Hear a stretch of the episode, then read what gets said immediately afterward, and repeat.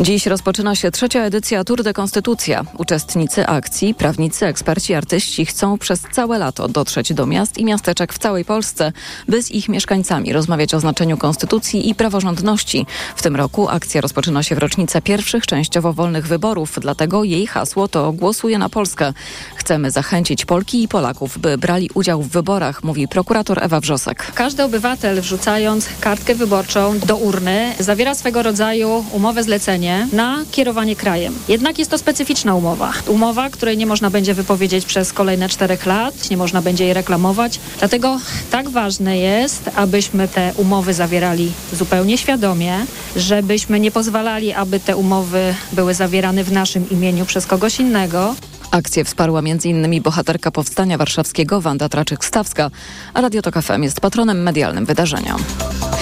Izraelczycy po raz kolejny wyszli na ulicę, by zaprotestować przeciwko planowanej reformie sądownictwa. To już 22 weekend manifestacji. Według szacunków w największej demonstracji w Tel Awiwie wzięło udział około 95 tysięcy osób. Do protestów doszło też m.in. w Jerozolimie i w Hajfie. Boję się, że Izrael stanie się krajem religijnych ekstremistów i fanatyków, którzy nie zwracają uwagi na prawa kobiet i Palestyńczyków. Celem naszych protestów jest przypomnienie, że nie mamy zamiaru odpuszczać. Mogą udawać, że reforma jest wstrzymana, ale my się na to nie nabierzemy. Mamy przykład tego, co wydarzyło się w Polsce i na Węgrzech i my nie chcemy, żeby tak było i u nas. Nie dopuścimy do przekształcenia Izraela w dyktaturę. Mamy skorumpowany rząd pełen przestępców, ludzi wyjętych spod prawa, którzy zostali ministrami. Utworzenie naszego państwa zajęło nam dwa tysiące lat. Nie możemy tego stracić przez fanatyków. Reforma forsowana przez premiera Benjamina Netanyahu zakłada m.in. ograniczenie prerogatyw Sądu Najwyższego na rzecz parlamentu i władzy wykonawczej. Według krytyków zmiana prawa doprowadzi Izrael do autorytaryzmu. Słuchasz informacji TOK FM. Zaczął się długo wyczekiwany sezon na polskie truskawki. Jak przewidują specjaliści rynku rolniczego i przetwórczego, cena za kilogram będzie systematycznie spadać i może być niższa niż w poprzednich latach. Agnieszka Wynarska. Na razie jednak na targowiskach za kilogram truskawek trzeba zapłacić kilkanaście złotych. Ceny różnią się w zależności od regionu kraju. Jak powiedziała mi pani Justyna, która ma stragan na rynku na bydgoskich Bartodziejach, wszyscy czekają na wysyp truskawek z pola. Generalnie to jest jeszcze wszystko spod Warszawy i tam są trochę inne ceny. I do nas przyjeżdżają, też jest drogo. A myśli pani, że do ilu zajdą? No, dużo chyba nie. Może z 9, 8, ale na pewno nie więcej. Co pani będzie robiła z tych pysznych truskawek? Tak po prostu do miseczki zjeść? Do miseczki zjeść, tak. Nadal drogie są czereśnie, bo to jeszcze nie polskie odmiany. Na targowisku, które odwiedziłam, kosztują prawie 40 zł za kilogram. Z Bydgoszczy Agnieszka Wynarska, TOK FM. Kolejne informacje o 11. Za chwilę prognoza pogody. Pogoda. W całym kraju słonecznie, a na termometrach maksymalnie 20 stopni w Trójmieście i Białymstoku, 22 w Warszawie, Łodzi, Katowicach, Rzeszowie i Szczecinie, 23 w Poznaniu i Krakowie, 24 we Wrocławiu. Radio TOK FM. Pierwsze radio informacyjne. Nagłe zastępstwo. Pamiętam, że kiedy w 2014 roku na Krymie pojawili się jacyś dziwni ludzie ze wstążkami świętego Jerzego, doprawdy wielu z moich gości zadawało sobie wprost pytanie, na ile to wszystko jest poważne.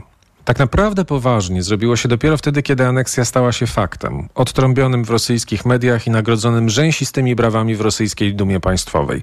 Wtedy wszyscy ostatecznie zrozumieli, że dzieje się coś, co nie było takie całkiem niespodziewane, ale do tej pory nie mieściło się w głowie. Rosja przesuwa europejskie granice, zagarnia terytorium sąsiada, krótko mówiąc, prowadzi wojnę. Ponieważ jednak rozumienie wojny nie mieściło w sobie działań politycznych o tej skali agresji, które mogłyby być dokonywane bez jednego wystrzału, za to z całą masą działań z zakresu dezinformacji, propagandy, szantażu, wydawało się, że to coś wojną nie jest, a jeśli jest, to jakąś dziwną. W mediach zaczęła robić karierę tak zwana wojna hybrydowa, czyli pojęcie wytrych, które pozwalało opisać działania rosyjskie, a już szczególnie pasowało do tego, co po udanej próbie zagarnięcia Krymu okazało się mniej udaną próbą zagarnięcia Donbasu, czyli wprowadzenia tam kontrolowanych przez Kreml rzeczników pozornie oddolnej, pozornej samorządności, czyli tych wszystkich, którzy mieli się reprezentantami nowych władz samorządnych Republik Donieckiej i Ługańskiej. Pomieszanie działań zbrojnych z pozorną walką wyzwoleńczą, samostanowieniem, czymś na kształt oddolnego buntu też nie pasowało, tak przynajmniej chcieliśmy myśleć, do działań wojennych. Bo i też wzorzec obecny w naszych głowach był po prostu zdecydowanie zbyt oczywisty. Mieliśmy w głowie II wojnę światową, w której jeden kraj najpierw wytworzył pewien zestrój poglądów i półprawd uzasadniających agresję, a potem tej agresji dokonał w sposób jawny, nie pozostawiający żadnych wątpliwości, czytelny dla wszystkich.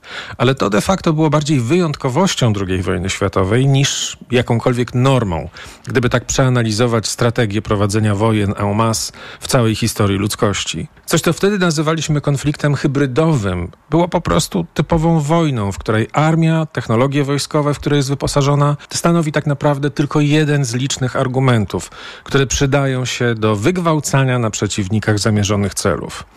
O tym właśnie traktuje książka Marka Galeotti Wszystko jest wojną, mająca w podtytule jakże kuszący zwrot o tym, jak mocarstwa zrobiły z ciebie broń. Brzmi więc tak, jakbyśmy stali się pionkami w wielkiej szachownicy, w której zupełnie się nie liczymy. Albo inaczej, przydajemy się jako zasób służący do szczucia, napuszczania na siebie nawzajem, biomasa, która się świetnie sprawdza nawet w takich najbardziej szlachetnych odsłonach, bo wojnę można toczyć przy pomocy armii, ale równie dobrze przemyślana sieć organizacji pozarządowych, niby to obywatelskich, oddolnych, też się przyda do siania chaosu.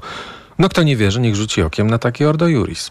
Ta wizja ma swoją moc, ale ma też wady. W polityce tak krajowej jak międzynarodowej jest więcej entropii niż się komukolwiek zdaje. Miałem kiedyś znajomą, która lubiła wzdychać i mówić tylko powszechny burdel i hakerzy mogą nas uratować i w pewnym sensie miała dużo racji. Choć zarazem, gdyby taki Władimir Putin miał naprawdę dobrze zorganizowane służby specjalne, do wojny nigdy by nie doszło, bo wiedziałby, że opór społeczny po stronie Ukraińców jest czymś, o co może się rozbić jego imperialna polityka. Więc to nie do końca tak, że każdy cal naszego życia jest uzbrojoną bombą polityczną. To raczej tak, że politycy mogą dążyć, by ten czy ów bezpieczny temat jakoś przemienić w oręż, uzbroić właśnie. Ale to się nie zawsze udaje, a właściwie pewnie częściej się nie udaje. Ale tak, do walki wszystko może się przydać. Wszystko wszędzie naraz, cytując klasyka. Ale właściwie dzisiejsza rozmowa nie jest tak znowu ściśle powiązana z teoriami samego Galeotti.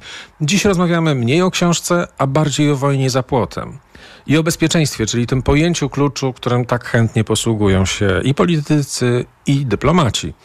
A właśnie jeden z nich odwiedził nas w studiu. Nagłe zastępstwo. Jakub Janiszewski przy mikrofonie, a ze mną w studiu profesor Adam Daniel Rotfeld. Dzień dobry. Dzień dobry. A będziemy rozmawiali o książce, czy wokół książki Marka Galeotti Wszystko jest wojną, jak mocarstwa zrobiły z ciebie broń. To jest podtytuł tej książki. Książki, która głównie, której główną osią jest właściwie przemiana naszego postrzegania bezpieczeństwa, naszego sposobu myślenia o bezpieczeństwie. Ten tytuł jest o tyle zwodniczy, że e, oryginalna wersja tytułu brzmiała The Weaponization of Everything. To jest troszeczkę inny sens. Ta weaponizacja to jest w zasadzie uzbrajanie nowych pól naszego życia i przekształcanie ich w coraz bardziej polityczne, a to, co polityczne, przydaje się także w relacjach międzynarodowych. No, ja, ja się zgadzam. Ten tytuł miał wyrażać to, że wszystko dzisiaj staje się bronią. On w moim, moim przekonaniu w sposób y, niezwykle erudycyjny, co jest imponujące, chociaż ja go y, spotkałem kilka razy i muszę powiedzieć, że to jest rzeczywiście erudyta. Ma bardzo dobre rozeznanie w ogóle a w sprawach włoskich, włoskiej historii i tutaj daje temu w tej książce również wyraz. Ja uważam, że to jest y, atrakcyjne z punktu widzenia czytelnika, natomiast prawdę powiedziawszy, y, brakuje mi tam próby odpowiedzi na kilka pytań o charakterze fundamentalnym.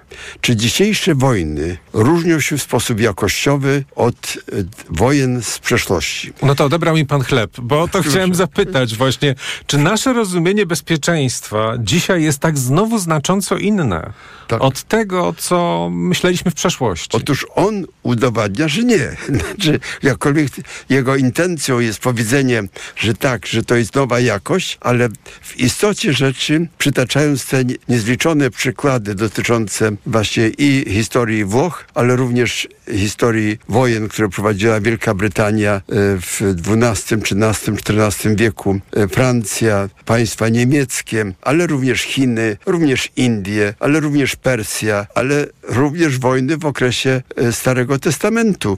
On posługuje się tym w sposób taki niezwykle swobodny i jak gdyby one mają utwierdzać taką pewną ciągłość. Otóż jeżeli to jest ciągłość, to to nie jest nowa jakość, jeśli jest to prawdą, że to, co my obserwujemy, co jest odbiciem dzisiejszej rzeczywistości, jest wyrazem tego, że w swojej istocie te wojny różnią się e, narzędziami prowadzenia wojny, ale nie, nie zmienia się ich e, charakter, to wydaje mi się, że to jest teza prawdziwa, ale wynika ona z faktu, że natura ludzka jest czymś praktycznie niezmiennym. Znaczy ona się zmienia, ale w kategoriach setek tysięcy albo milionów lat. Znaczy ewolucja, rozwój człowieka w procesie ewolucyjnym trwał miliony lat. I jak my dzisiaj czytamy Aeschylosa, czy Plutarcha czy Arystotelesa, to nawet ta pułapka Tukidydesa to jest przykład taki, że wszyscy nagle na, zaczynają nawiązywać do tej pułapki Tukidydesa. To, to jest potwierdzenie, że oni byli wtedy kilka tysięcy lat temu w stanie sformułować w sposób spójny i logiczny pewne rzeczy, którymi my jesteśmy zaszokowani, jak oni wtedy precyzyjnie byli w stanie określić, czym jest konflikt wojenny, jak należy używać innych środków, nie tylko wojennych, ale również na przykład dyplomacji, ale również dezinformacji, jakkolwiek nie mieli w żadnej mierze, nawet to nie, nie była jedna tysięczna tych możliwości, y, jak jaką dzisiaj dysponujemy, do czego ja zmierzam? Mianowicie, że natura ludzka jest względnie niezmienna. Emocje są względnie te same. Zazdrość, zawiść, intryga, podejmowanie decyzji, że tak powiem, podyktowanych emocjami, ale równocześnie dysponujemy nieporównanie większymi zasobami i narzędziami prowadzenia wojny. Więc to jest taka moja pierwsza uwaga istotna, że tak to sobie sformułowałem wiele lat temu i y, życie potwierdza, że ta, to moje rozumienie jest według mnie bardzo bliskie prawdy.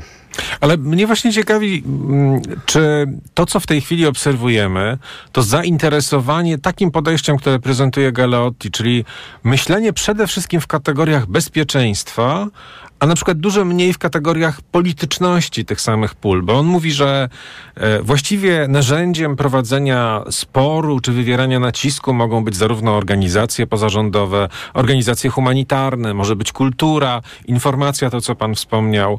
Zawsze może to być też, mogą to być działania zupełnie pozaprawne, czyli możemy do prowadzenia e, wojen czy wywierania presji używać zbrodniarzy, posługiwać się organizacjami wręcz w wprost przestępczymi, nie tylko służbami specjalnymi, które mogą prowadzić jakieś tajne operacje na granicy prawa albo łamiące prawo. On mówi jakby o, o polityzacji tych wszystkich pól. Ale ciekawi mnie, z czego się wzięła ta popularność myślenia o bezpieczeństwie i czy to jest na przykład z pańskiej perspektywy, kiedy był pan w latach 90. dyrektorem Sztokholmskiego Instytutu Badań nad Pokojem, czy to też wtedy było takie mocne i tak mocno się koncentrowano na właśnie kwestiach bezpieczeństwa, czy jednak bardziej mówiono o polityce? Czy to jest taka moda intelektualna? Ta, znaczy może nie tyle moda, ale powiem panu, że przypadkowo pan dotknął niezwykle istotnego momentu, ponieważ kiedy zostałem wybrany jako dyrektor, bo początkowo jak przyjechałem do SIPRI, tego Sztormskiego Instytutu Badań nad Pokojem, to pierwszy rok pracowałem nad swoim projektem i byłem po prostu jednym z pracowników, a potem w wyniku, e, jeśli tak procesu poszukiwania nowego dyrektora, ku mojemu zaskoczeniu wybrano mnie dyrektorem. Ja sobie postawiłem pytanie, e, czy ja mam po prostu kontynuować to, co do tej pory było, czy muszę sformułować adekwatny do zmiany sytuacji nowy program. I ten rocznik SIPRI, on się nazywał rocznik kontroli zbrojeń i rozbrojenia, Arms Control and Disarmament. A y, ja uznałem, że i arms control, i disarmament to są narzędzia, to są operacyjne decyzje. Natomiast istotą jest bezpieczeństwo. W związku z tym dodałem tam Cypri, to czyli znaczy ten yearbook, zmieniłem nazwę tego rocznika, że to jest Yearbook of Security, International Security, Arms Control and Disarmament. Czyli wypromował pan pojęcie. Więc ta, znaczy sam dla, z, z własnego powodu, znaczy to po pierwsze. I po drugie był w tym czasie e, ta, taka e, wielka postać e, szwedzkiej polityki, Ulof Palme, premier, który sformułował taki raport i e, potem inni kontynuowali te raporty. Im chodziło o to, żeby security, czyli bezpieczeństwo, miało przymiotnik kwalifikujący. I właśnie ta koncepcja Ulofa Palmy była common security, że to ma być wspólne bezpieczeństwo. Ale ja doszedłem do wniosku, że wspólne bezpieczeństwo nie jest, ponieważ nie ma wspólnych interesów, nie ma wspólnego rządu, nie ma, nie ma wspólnej polityki. Jak może być coś wspólne, jeśli wszystko inne różni?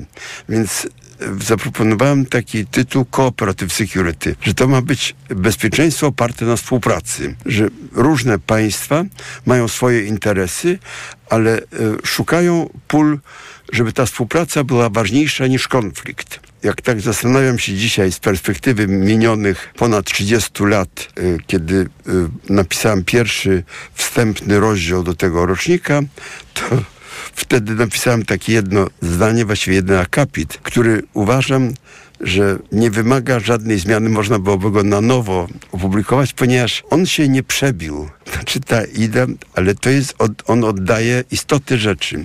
Mianowicie, gdyby pan mnie zapytał się, czym się różnią wojny, które wybuchają teraz, od wojen, które wybuchały w przyszłości, to moja odpowiedź będzie brzmiała, i tak ja napisałem wtedy, że wkroczyliśmy w okres, kiedy to nie sprzeczności między państwami decydują o konfliktach zbrojnych, tylko konflikty wewnątrz państw. Że Rosja napadła na Ukrainę nie z powodu sprzeczności między polityką Ukrainy i polityką Rosji, tylko Rosja potraktowała Ukrainę jako zbuntowaną prowincję. Po prostu uznała, że czas przywrócić Rosji dawną potęgę, dawne wpływy, bo jeśli my nie zrobimy tego, to nas przyszłe pokolenia z tego rozliczą. I krótko mówiąc, to znalazło odbicie między innymi w tym, że Putin po, po tym, kiedy zastąpił Jelcyna w gabinecie na, w Kremlu, to usunął portret Lenina, ale zawiesił portret Piotra I. To Piotr I i Katarzyna II, oni dążyli do ekspansji, nie tylko do odbudowy, bo właściwie nie można było mówić o odbudowie, dlatego że imperium zaczęło się od Piotra I. Przedtem to były zwalczające się wzajemnie Rusie i tutaj e, cała ta, ja bym powiedział, taka naiwność, in, infantylizm pewien, który przenika obecną propagandę rosyjską, polega na tym, że Putin stara się powiedzieć, że wszystko zaczęło się od Rosji.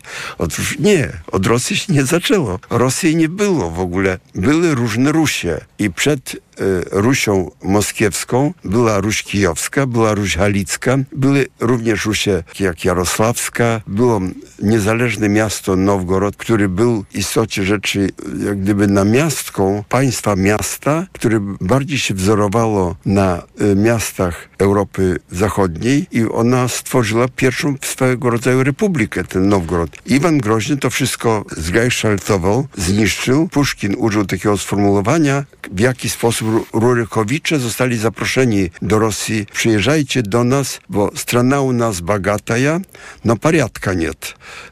więc chodzi o to, że imponowało im to, że Szwedzi mają porządek, więc przyjeżdżajcie do nas, zróbcie porządek. I tak się zaczęła dynastia Rurykowiczów. Ale nie chciałbym odbiegać od tematu. Otóż wracając do książki Galeotiego, ona ma tę wartość, że nas skłania i pana, i mnie do myślenia o tym, czego w książce zabrakło, to mianowicie nie ma tej takiej myśli przewodniej, co jest nowego, co jest jakościowo nowe. No właśnie. I tu właśnie według mnie te dwa elementy, o których powiedziałem, niezmienność natury ludzkiej z jednej strony, która jest, zderza się z nieprawdopodobnie szybkim rozwojem i cybernetyki, informatyki, tej sztucznej inteligencji, wszystkiego, co oczywiście jest wykorzystywane do celów wojennych również, ponieważ wojna była zawsze takim silnym impulsem i motorem rozwoju technologicznego, więc y, y, używana jest również i dzisiaj.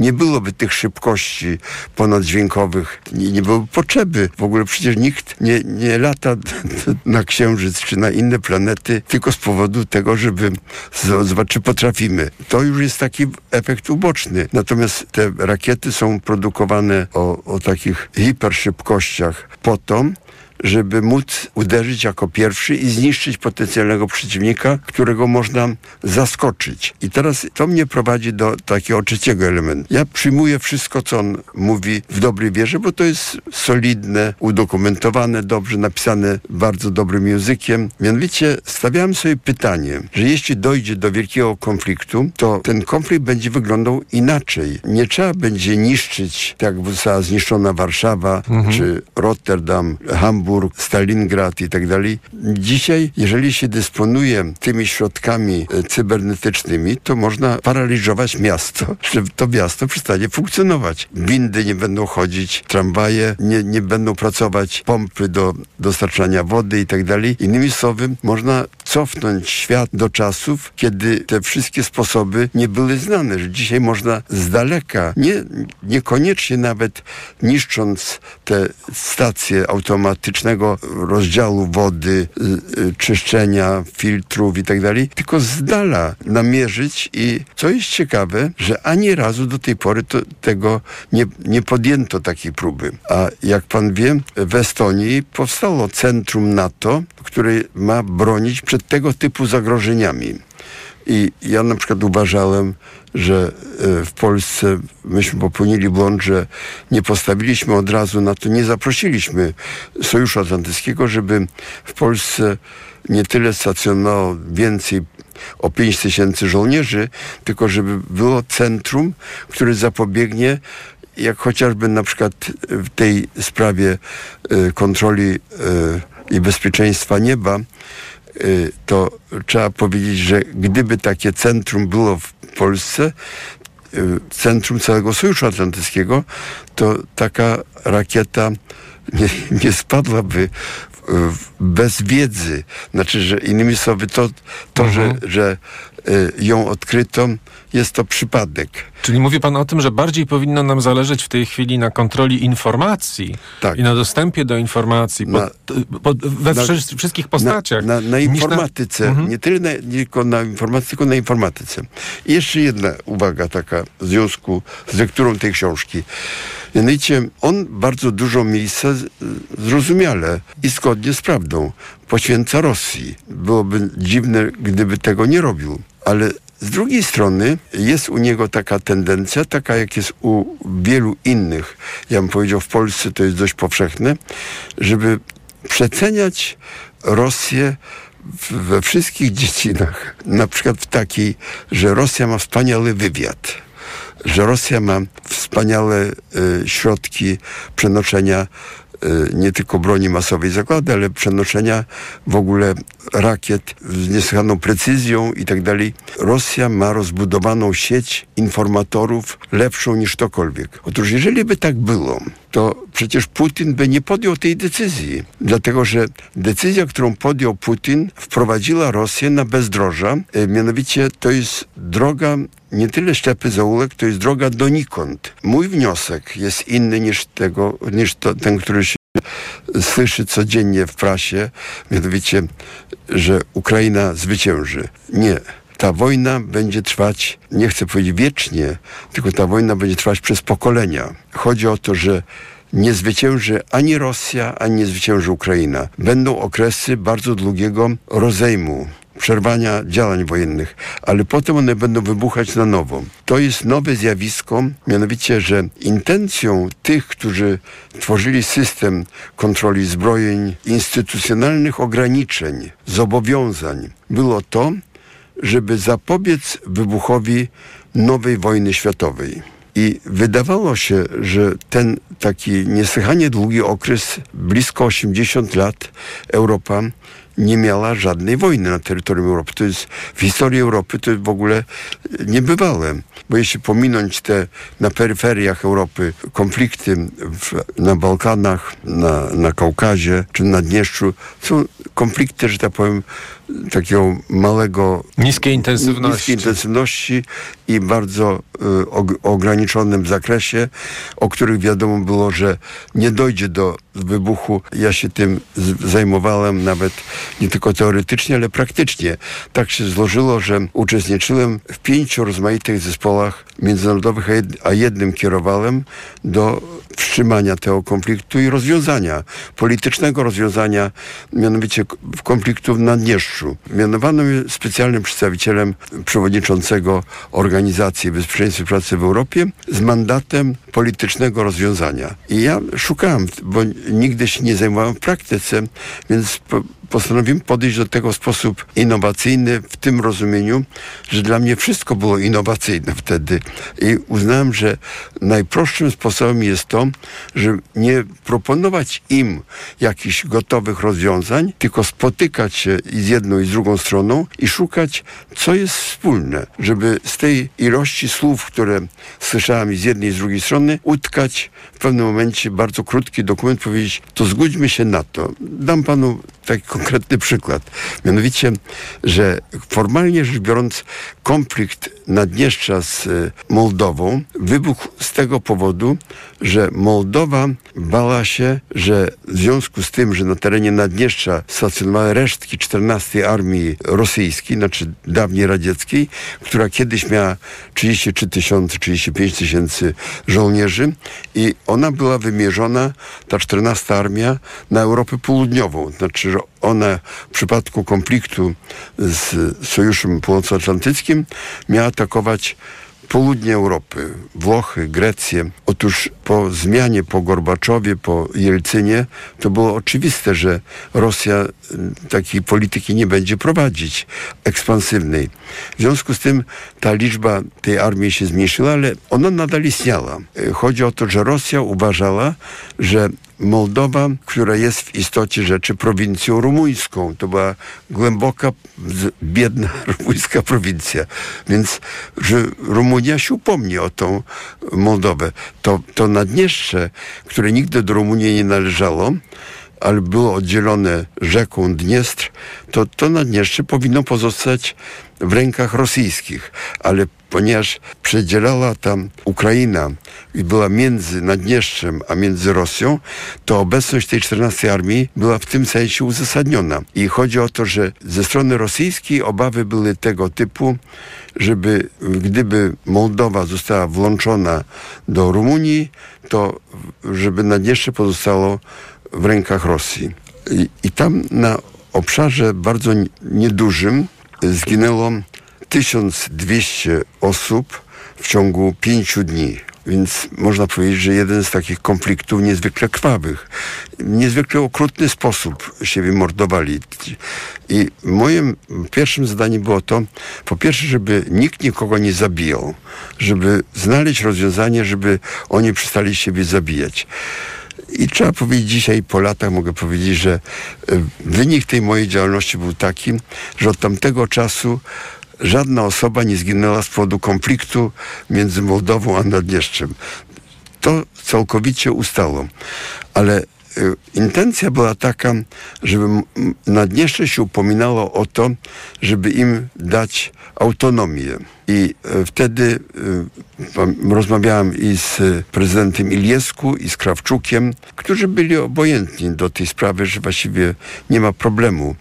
Natomiast Rosja nie chciała tej autonomii i Kozyrew mnie powiedział, no wie pan, przecież my jesteśmy wielkim mocarstwem. Nie upominamy się o autonomię dla Rosjan, którzy zamieszkują w znacznej ilości w różnych republikach radzieckich. My się o to nie upominamy. To jak tutaj taka ta Mołdowa i tak to jest maleńka, to jeszcze się ma dzielić, bo to będzie nie tylko wtedy podział na autonomię Naddniestrza, ale również Ga Gałgazi, to jest turecka mniejszość na, na terytorium Mołdowy, też się upomną o, o swoją odrębność. Więc ja pomyślałem sobie, trzeba zaproponować coś, co ominie, że tak powiem, ten spór semantyczny, bo żeby nie używać słowa autonomia, tylko powiedziałem, że strony zgodziły się, że Naddniestrze będzie miało specjalny status. A jaki status, to zostawmy dla przyszłości. I, i tak, i to do tej pory... No to stworzyliście nowy język w ten sposób, tak. jak rozumiem. Znaczy, bo to chodziło o to, żeby...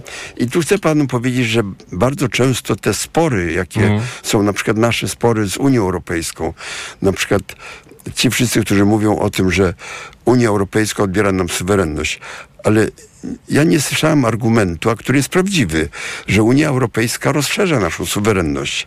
Na czym polega to rozszerzenie suwerenności? Kto słuchałby stanowiska Polski w sprawie Chin? Kto słuchałby stanowiska Polski w sprawie e, zaangażowania Unii w tę czy w inną sprawę globalną? A tutaj my mamy szansę odegrać rolę. I w związku z tym przynależność do takiej struktury, jaką jest Unia Europejska, rozszerza naszą suwerenność, a nie zawęża.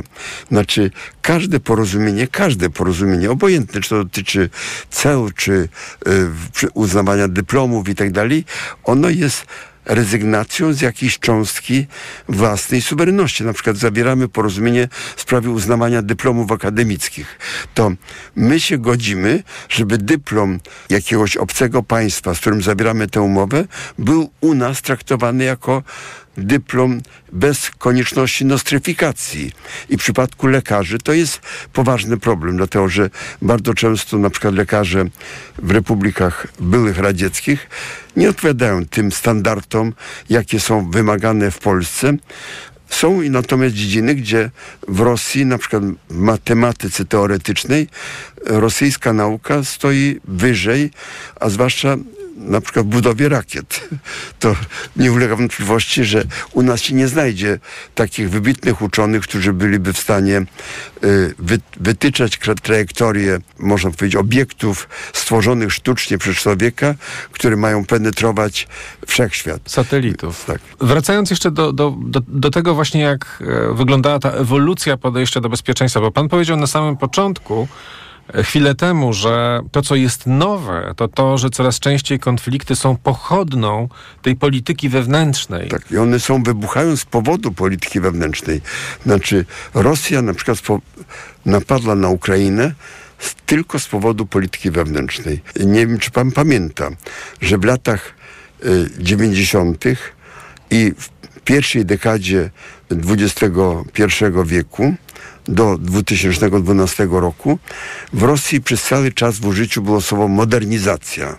I potem nagle ono, to słowo znikło, bo modernizacja się nie powiodła. Modernizacja się nie powiodła, a natomiast nastąpiła reindustrializacja, znaczy powrót do jak gdyby takiej utartej polityki y, z czasów stalinowskich pięciolatek, budowa wielkich zakładów na potrzeby wojn, wojska, dlatego że ludność nie może zjeść czołgu, ani nie będzie wykorzystywać rakiet do, do posłania dzieci do przedszkola. Co ciekawe, Rosji udało się osiągnąć bardzo wysokie, wysoką wydajność w rolnictwie w porównaniu do tego, co reprezentowały kolchozy te wielkie gospodarstwa, dawniej kolchozowe, stały się fermami na podobieństwa amerykańskich i są zarządzane w ten sposób, że wszyscy mają zatrudnienie i Rosja stała się największym producentem pszenicy na świecie.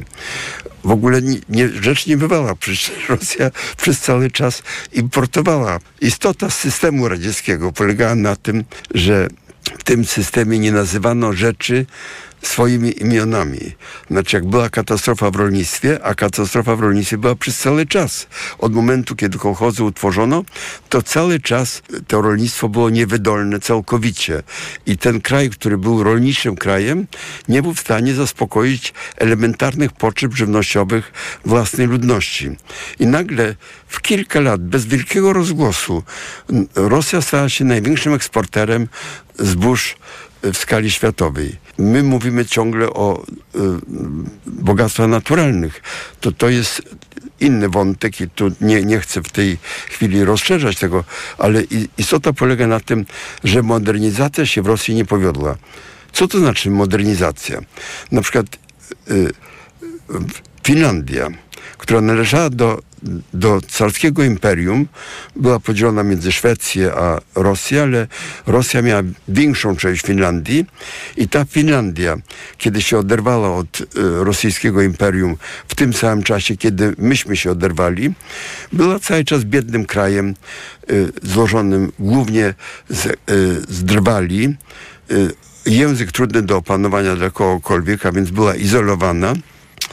I nagle dla tej Finlandii istnienie Związku Radzieckiego było dobrodziejstwem w tym sensie, że mogła eksportować na ten obszar, olbrzymi obszar, ogromną ilość produ produktów rolnych, na przykład jogurty, masło, y, to wszystko było fińskie, y, lody, ale również, y, również zboże.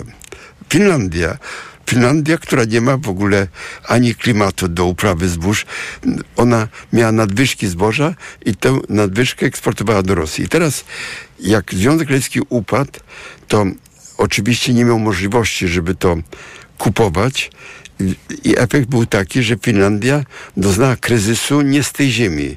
Znaczy, my w Polsce sobie nie uświadamiamy, że Finlandia miała wtedy taki kryzys, że ponad połowa ludzi w wieku 18 do 30 lat nie mogła znaleźć zatrudnienia w ogóle, że było tak wysokie bezrobocie wśród młodego pokolenia. I wtedy w Finlandii dokonano kilku istotnych reform.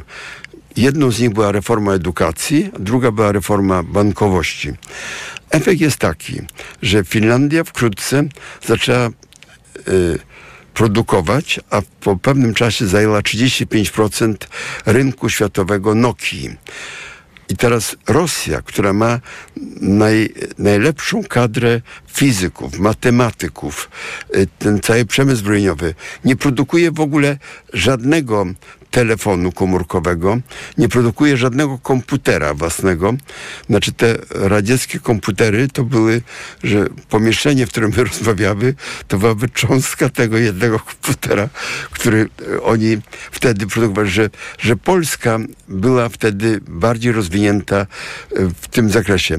Po, ktoś może zapytać się, a dlaczego? Otóż odpowiedź jest ideologiczna, ponieważ cybernetykę uznano za y, wiedzę i, i dyscyplinę naukową, która godzi w teorię marksizmu-leninizmu. I jak pan kupi na przykład, czy dostanie pan słownik filozoficzny wydany w 1955 roku, to ja sobie go zachowałem tylko po to, żeby y, mieć tę definicję, że tak powiem, że czym jest cybernetyka. że cybernetyka to jest y, lże nauka, to, czyli fałszywa nauka, która jest sprzeczna z zasadami naukowego myślenia i światopoglądu marksistowsko-leninowskiego, która nie oparta na żadnych racjonalnych przesłankach i tak. Innymi słowy, z powodów ideologicznych wiele rzeczy zostało tam całkowicie wyeliminowanych. I odbudowa tego w tym okresie, to był za krótki okres tego, tych rządów Gorbaczowa i y, Jelcyna. Tutaj zapewne popełniły różne y, kraje y, błędne oceny.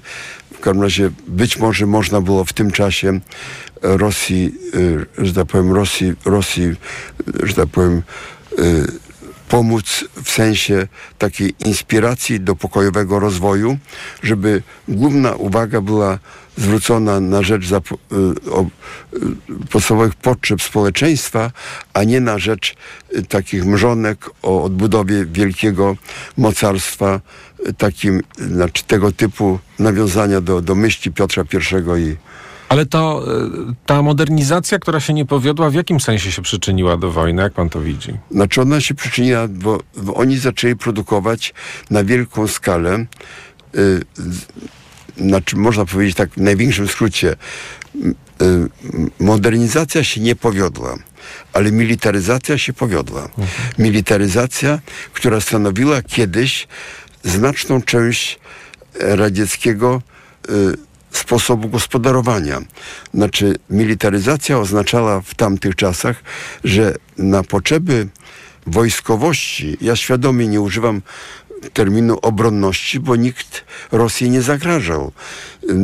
Rosja mogła y, sobie darować wtedy wydatki na, y, na obronność, ale ona bardzo chciała być wielkim mocarstwem i y, ja mam w domu taką książkę, którą napisał były szef y, radzieckiej delegacji na rokowania w sprawie środków budowy zaufania wojskowego w Sztokholmie. Była taka y, francuska propozycja, na podstawie którego, której doszło do wielkiej konferencji o, o y, budowy zaufania i bezpieczeństwa oraz rozbrojenia.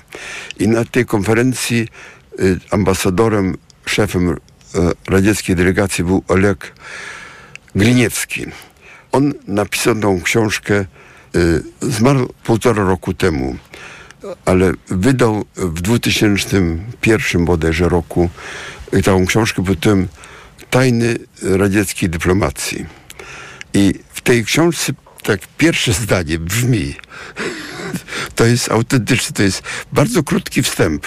On mówi, przez lata największą tajemnicą radzieckiej dyplomacji było utrzymanie własnej ludności i całego świata w przekonaniu, że my wyprzedzamy Stany Zjednoczone w, różnych dziedzinach, a zwłaszcza w dziedzinie zbrojeń. Czyli utrzymanie pewnej fikcji. Fikcji, tak. I ta, ta fikcja została, że tak powiem, podjęta idea, żeby ta fikcja stała się rzeczywistością.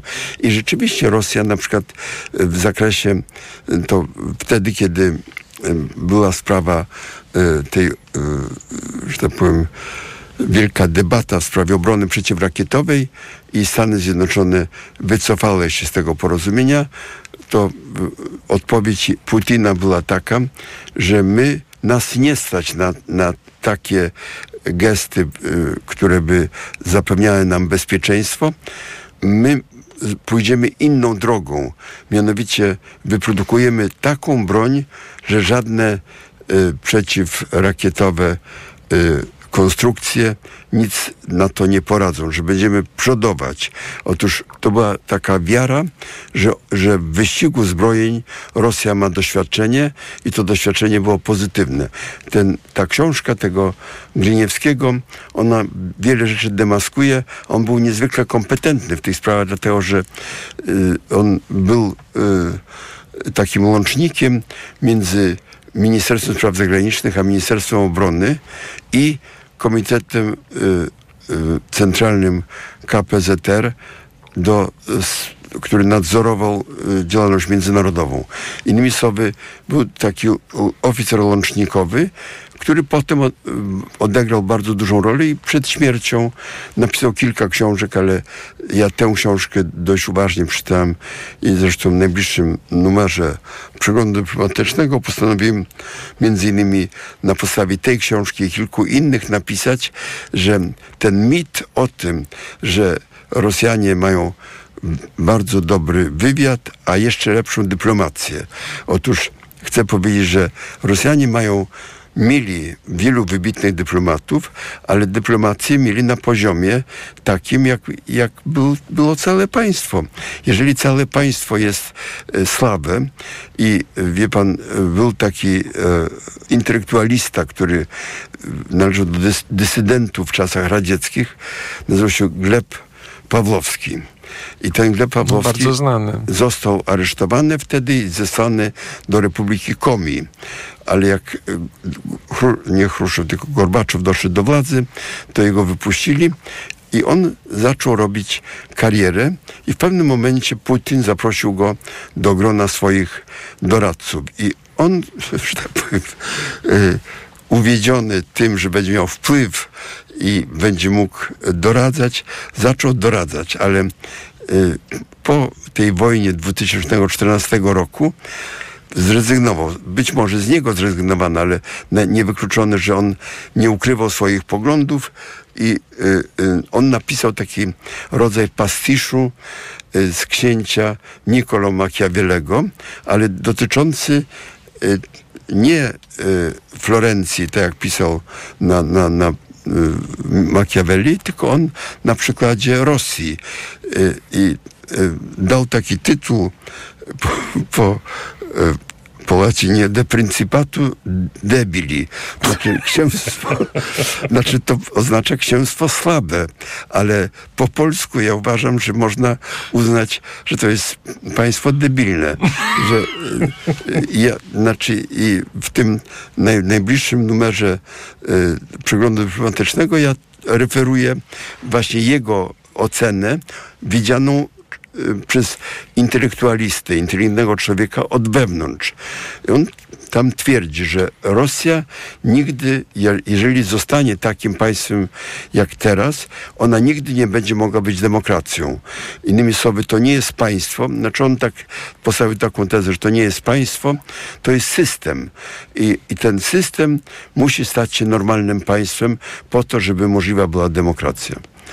Więc odbiegliśmy od y, y, naszego Galeottiego, y, ale można powiedzieć, że jego zasługa polega na tym, że nas sprowokował do takiego myślenia szerszego, którego u niego też moim zdaniem y, troszeczkę zabrakło. Znaczy, bo on miał inne ambicje, ponieważ mam wrażenie, że jego książka była pisana z intencją, żeby uświadomić ludziom, że dzisiaj wszystko można traktować jako instrument prowadzenia wojny.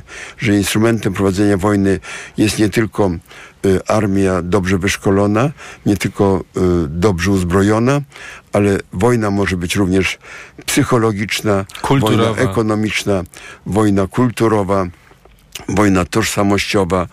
Wszystko staje się wojną.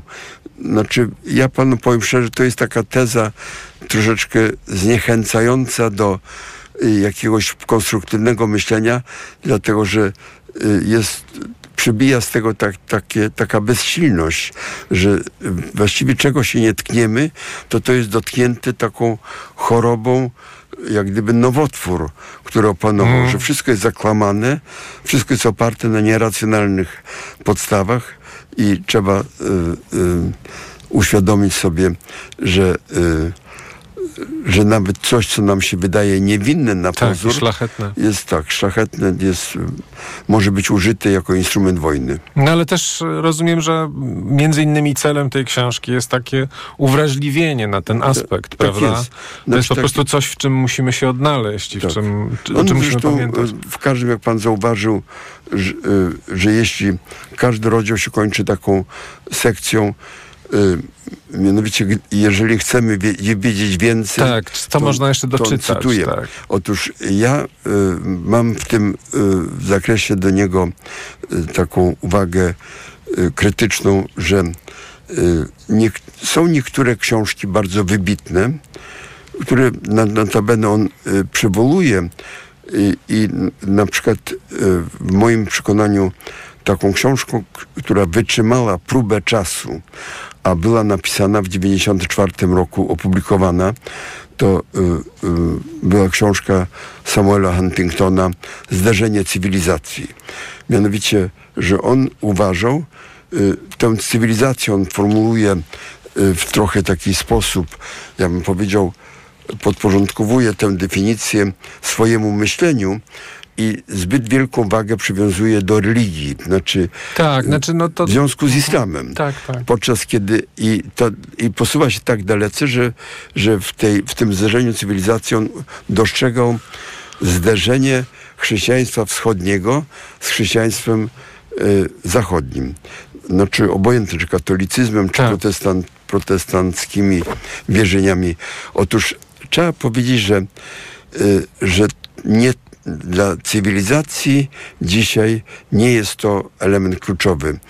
Chrześcijaństwo odegrało fundamentalną rolę dla cywilizacji europejskiej, ale to nie spór między chrześcijaństwem wschodnim a zachodnim określa sprawę, tylko stosunek do wartości.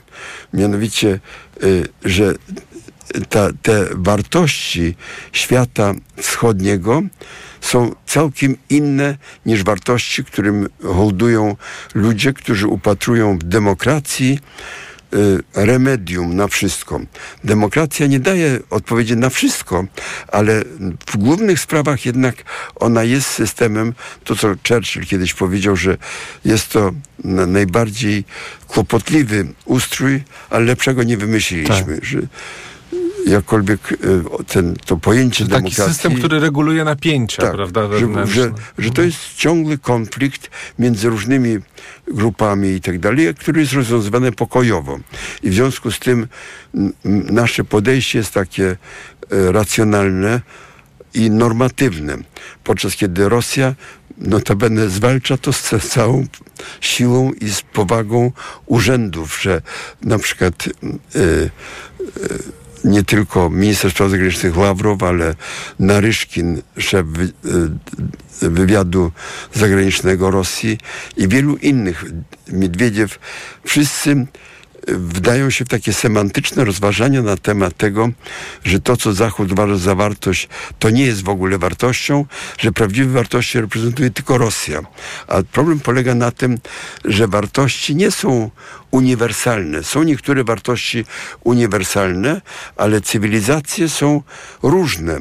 I ta ró- różnica y, wyraża się przede wszystkim w tożsamości poczynając od języka, poprzez mentalność, historię, nawyki, y, że tak powiem, takie pewne normy, które nie zostały nigdy spisane, że, że mm, ja bym powiedział, że przyzwoite zachowanie jest wartością, ale nikt nigdy nie zadał sobie trudu, żeby ująć to w definicję, w jakąś normę, powiedzieć, a co to znaczy przyzwoite zachowanie?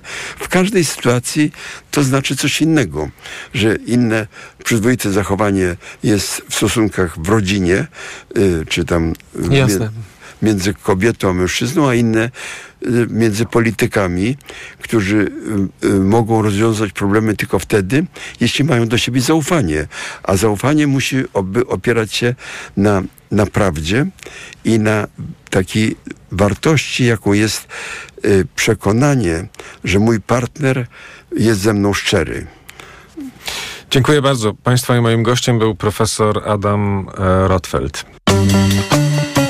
Nagłe zastępstwo.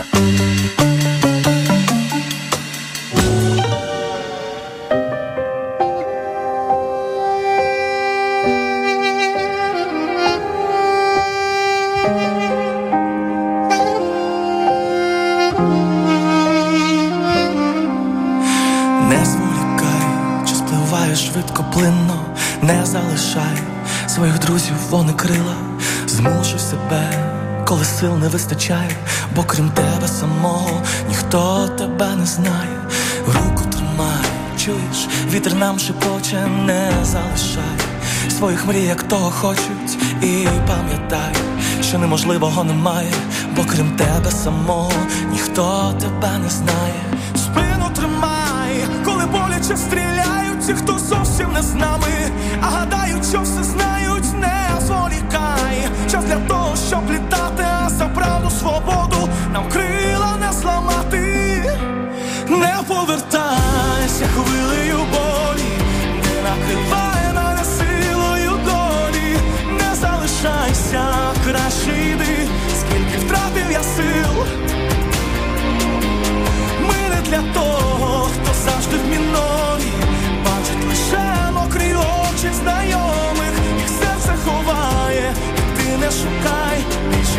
дзвони, не повертайся хвилею болі, не накривай мене силою долі, не залишайся, краще йди, скільки втратив я сил. Ми не для того, хто завжди в бачить лише мокрі знайомих, їх серце ховає ти не шукай, більше їм не дзвони.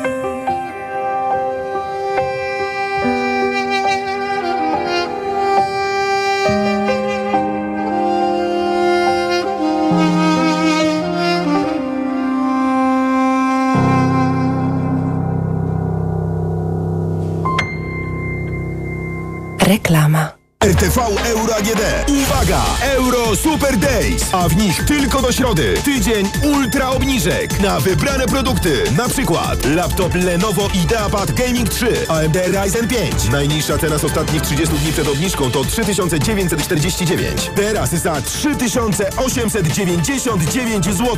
I dodatkowo do 14 czerwca. Pierwsza rata gratis na cały asortyment. RRSO 0%. Szczegóły i regulamin w sklepach i na euro.com.pl Renault. Jako profesjonalista stawiasz na wydajność. Optymalizujesz czas przejazdów i potrzebną przestrzeń. Dlatego nowe Renault Kangoo Van i Tech 100% Electric jest stworzone dla Ciebie. Teraz dostępne w wersji przedłużonej o pojemności ładunkowej do 4,9 m3 z silnikiem elektrycznym lub spalinowym. Nowe Renault Kangoo Van i Tech 100% Electric. Teraz w leasingu od 104%. Renault. Samochody dostawcze numer jeden w Polsce. Szczegóły w salonach i na Renault.pl. Gotowi na wakacje?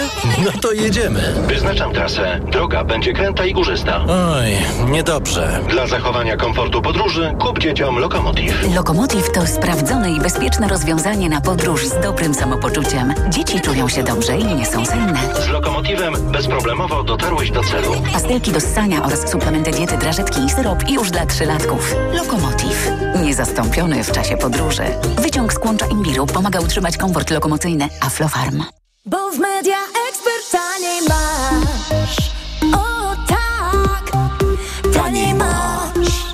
Kupuj taniej w Media Expert. Na przykład opaska sportowa Garmin Vivo Smart 4. Najniższa cena z ostatnich 30 dni przed obniżką 349 zł 99 groszy. Teraz za jedyne 149 z kodem rabatowym taniej aż o 200 zł. Bo w Media Expert taniej masz.